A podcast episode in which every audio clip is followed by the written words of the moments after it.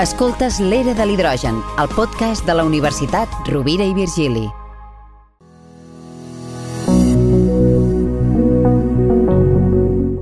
Benvinguts i benvingudes a l'Era de l'Hidrogen, el podcast mensual de la Universitat a Rovira i Virgili, aquí a Ràdio Ciutat de Tarragona, amb què mitjançant diversos eh, experts i veus del territori doncs podrem conèixer amb més detall la Vall de l'Hidrogen de, de Catalunya, una iniciativa territorial que ha d'impulsar el país en aquesta transició energètica i ajudar doncs, amb l'objectiu de la neutralitat climàtica. I avui ens acompanya Javier Navarro de l'empresa QIB Tecnologies, és precisament una empresa doncs, d'enginyeria enginyeria especialitzada i dedicada a solucions de mobilitat elèctrica i doncs que investiguen i comencen a presentar projectes amb hidrogen.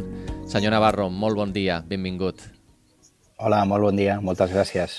Abans de començar, si li sembla, expliqui'ns una mica en què treballa doncs, la, la seva empresa i quina és la, la relació no? doncs, precisament amb aquest avenç dels vehicles elèctrics eh, i d'hidrogen.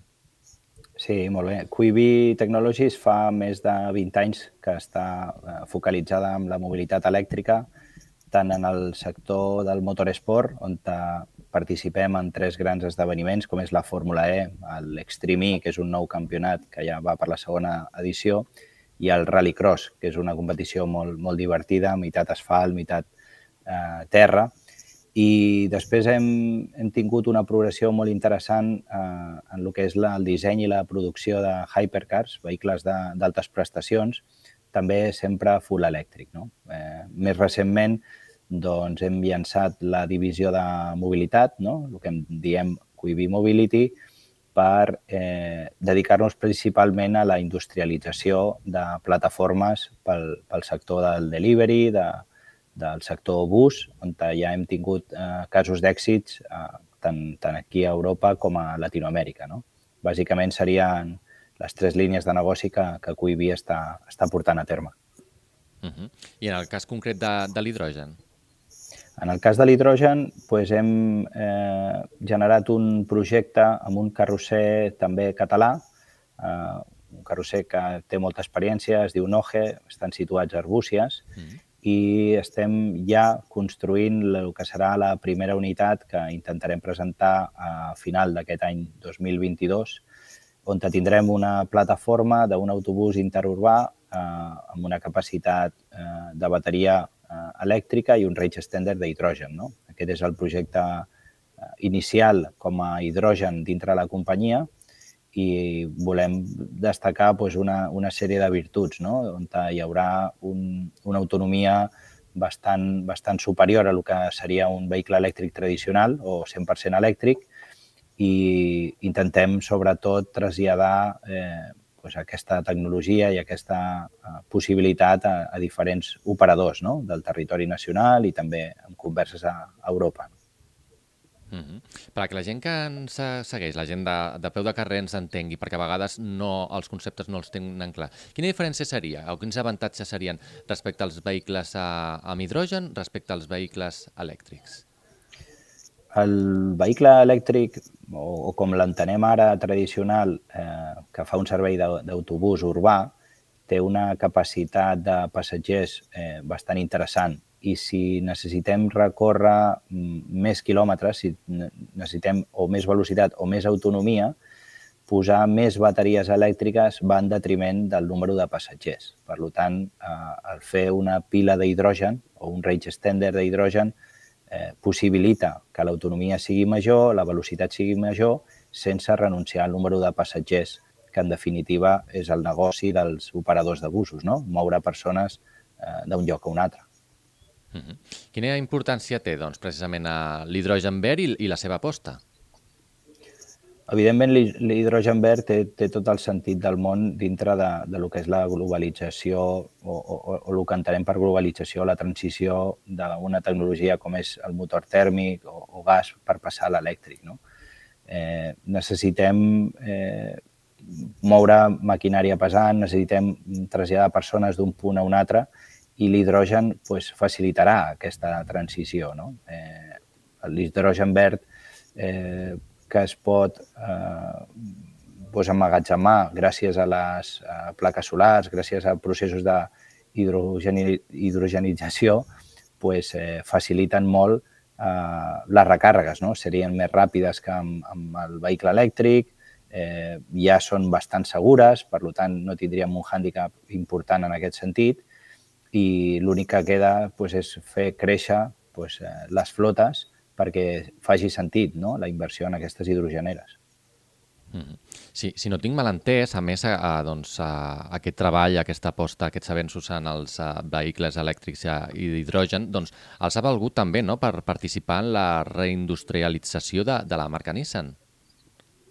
Sí, eh, ha apostat molt fort eh, en, un, en un hub d'electromobilitat. Eh, per, per tenir pues, eh, l'espai que ha deixat Nissan a Zona Franca principalment i d'alguna manera eh, recuperar tots aquells llocs de treball que s'han perdut. No? Eh, evidentment, és un repte molt important per la companyia. Eh, falta encara un procés de, de negociació amb tots els agents implicats, eh, sindicats, eh, la propietat dels, dels, de les naus, dels terrenys, amb la pròpia marca, els governs. Eh, és una tasca que ja fa bastants mesos que tirem endavant i sobretot amb, amb la recerca d'altres partners, d'altres fabricants que estiguin en una situació similar a la nostra, no? que d'un principi no tenen una capacitat industrial molt important per, per créixer i que un espai com el de Zona Franca ens donaria a tots pues, aquesta possibilitat de creixement i de, i de fer les coses a casa nostra. No? En definitiva, el que volem és no dependre tant de mercats exteriors, per l'aprovisionament. No? Aquí pues, hi ha moltes persones eh, que tenen moltíssima experiència, gent molt preparada i indústries eh, properes que poden abastir no? el que seria aquesta, aquesta fàbrica o aquesta futura fàbrica de, de mobilitat elèctrica. No? En aquest sentit, en concret, en quin paper jugarà doncs, QIB Tecnologies en aquest eh, futur projecte?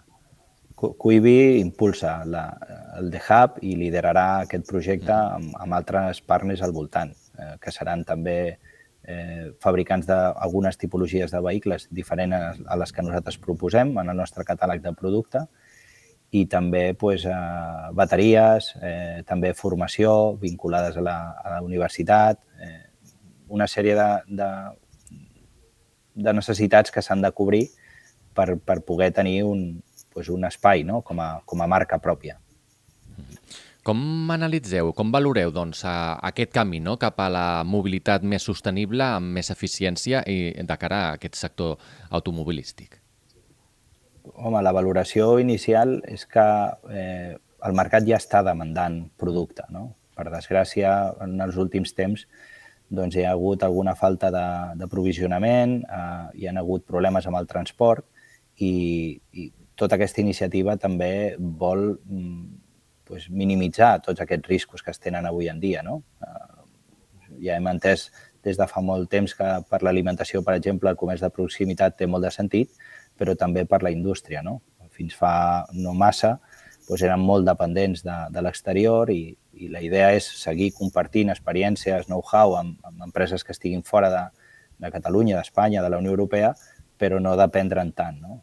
el temps ens està dient que aquesta dependència eh, ens fa ser menys competitius o fins i tot pues, eh, el que provoca la pèrdua de, de llocs de treball i d'indústries, no? que, que amb una miqueta d'ajut eh, poden tirar endavant i el repte a assolir és, és enorme. No? Eh, canviar eh, un parc d'automòbils, de, busos, de camions eh, tan important com el que tenim al nostre territori, pues bé, es val no? tota aquesta tasca que estem portant a terme. Uh -huh. I creuen que estem fent uh, passos ferms o que encara el camí és llarg i la cosa va una mica feixuga, una mica lenta en aquest sentit? Eh, si, si et diem amb sinceritat, hi ha, hi ha setmanes que veiem que és bastant imminent tenir un, un acord i tancar un acord i d'altres setmanes pues, que la, pròpia dinàmica de les resolucions, de, de, dels acords, pues, es fa una miqueta més lent. No? Sí, és cert que hem d'anar segurs i ferms en el camí que, que ens hem marcat, però evidentment amb, amb seny, amb els peus al terra, perquè no, no podem impulsar un projecte com aquest i que els dos dies o els dos anys no, no tingui coherència, no tingui sentit. No? Hem de ser eh, eh, tot, tot lo eficaços que puguem i tot lo executius que siguem, eh, que poguéssim ser, però també acompanyats no? per les administracions i per la resta de, de, bueno, de, de que, que participen no? d'aquest repte. Mm-hmm. Sí, sí, precisament me referia en, en general no? doncs aquesta transició cap als modes de transport més, més sostenibles i més eficients com, com aquest, perquè en aquest sentit, doncs, ara ho deia, no? és molt important la, la, el suport, en aquest sentit també de les administracions, la, la valentia no? d'apostar per, aquests, per aquestes alternatives. En aquest sentit, quines circumstàncies encara s'haurien de donar eh, per a que s'acabi implantant d'una forma important en aquest sentit? Perquè, per exemple, el, els vehicles elèctrics ja fa temps que, que estan en marxa, però encara són potser minoritaris. No sé si en aquest sentit també amb l'hidrogen verd acabarà calant de forma important. Sí, jo personalment em dedico a, a projectes d'electromobilitat des de fa vora 20 anys mm. eh, i el que estem vivint actualment amb l'hidrogen va a una velocitat molt superior de lo que mm. va passar fa 20 anys amb, la, amb el que considerem un vehicle full elèctric. No? Eh, pot, pot eh, tenir un, una entrada o una penetració molt més important si les administracions ajuden. No vol dir que hagin de subvencionar, perquè la tecnologia per si mateixa hauria de ser eh, lo suficientment madura com per no tenir aquest hàndicap. Sí és cert que el producte d'inici pot semblar una miqueta més car, però amb la seva vida útil eh, recuperem aquesta inversió. No? Les administracions cada vegada més estan apostant per eh, per licitar flotes d'autobusos, de maquinària que s'utilitza als municipis, a les ciutats, eh, on hi ha un gran percentatge, per no dir la totalitat, d'aquestes noves tecnologies. No? Això és un gran ajut. Seria un gran ajut pues, que, com en d'altres països, eh, tinguessin un, punt, un puntatge superior a aquelles empreses locals, no, no, no tenir sempre eh, considerat el mateix un producte nacional que un producte fabricat a la Xina, per exemple. No? Això serien eh, canvis que legalment pues, tenen algunes barreres, però que industrialment apoyarien moltíssim el que és la, la tasca que volem assolir no? des de QEV o des dels nostres partners, amics. Mm -hmm. Suposo que també molt important doncs, a la pedagogia, no? en aquest sentit arribar també a la ciutadania i acabar doncs, donant a conèixer aquest tipus de conceptes, aquest tipus de, de possibilitats. Sí, activament participem sempre en aquesta pedagogia, amb, amb el que algun eh, anomena eh, evangelització del vehicle elèctric, però sobretot és donar seguretat no? al, al client final, que, al fin, que, que en definitiva és l'usuari que eh, ha d'adquirir la unitat, ha de eh, fer la inversió més important i ha de tenir confiança que el producte funciona, de que el producte està assistit, de que eh, minimitzarà molt els serveis postventa, eh, doncs és una tasca mm, paral·lela, no? pràcticament, a, a el que seria la industrialització i la comercialització dels productes. No, no té sentit eh, fer alguna molt bo que ningú entengui, no? i al revés, no, no, no arribar al mercat amb alguna que, no, que ningú vulgui. O sigui que és, és una part molt important, la formació. Missatge final. Uh, quines fites es marquen? Què n'esperen de, de tot plegat? Home, les fites són eh, francament bastant ambicioses, no? però eh, aquest any 2022 per nosaltres seria molt important madurar aquest projecte d'hidrogen, eh, fer-lo rodar a Barcelona, a Tarragona, a Madrid, a les Illes, on ja tenim clients que ens esperen, eh, possibles clients que veuen i creuen que és una solució per les seves operacions i, i per la seva, eh, pel seu negoci i a partir d'aquí veure si madurem eh, el abans possible no? la, la planta de, de zona franca i d'alguna manera ja ens podem començar a preparar no? per al repte eh, majúscul que significaria produir eh, a grans volums no? pel, pel nostre territori i també per exportar. Javier Navarro, de l'empresa Quibi Tecnologies, doncs, aquesta empresa no, d'enginyeria especialitzada i dedicada a solucions de mobilitat elèctrica i doncs, que investiguen i comencen a presentar, com ara començàvem a parlar, doncs, aquests projectes amb, amb l'hidrogen. Moltes gràcies per haver-nos acompanyat i esperem que sigui tot un èxit, que tinguem ocasió de, de parlar-ne. Moltes gràcies a vostès. I a vosaltres, gràcies també una vegada més per acompanyar-nos aquí a l'Era de l'Hidrogen, el podcast mensual de la Universitat Rovira i Virgili, doncs, que amb el que hem volgut doncs, conèixer amb diversos experts i veus del territori doncs, eh, doncs, aquest detall en concret de la Vall de l'Hidrogen de Catalunya, una iniciativa doncs, territorial per impulsar el país en aquesta transició energètica, ajudar a l'objectiu de la neutralitat climàtica. Ja sabeu que trobareu tots els capítols a www.rctgn.cat.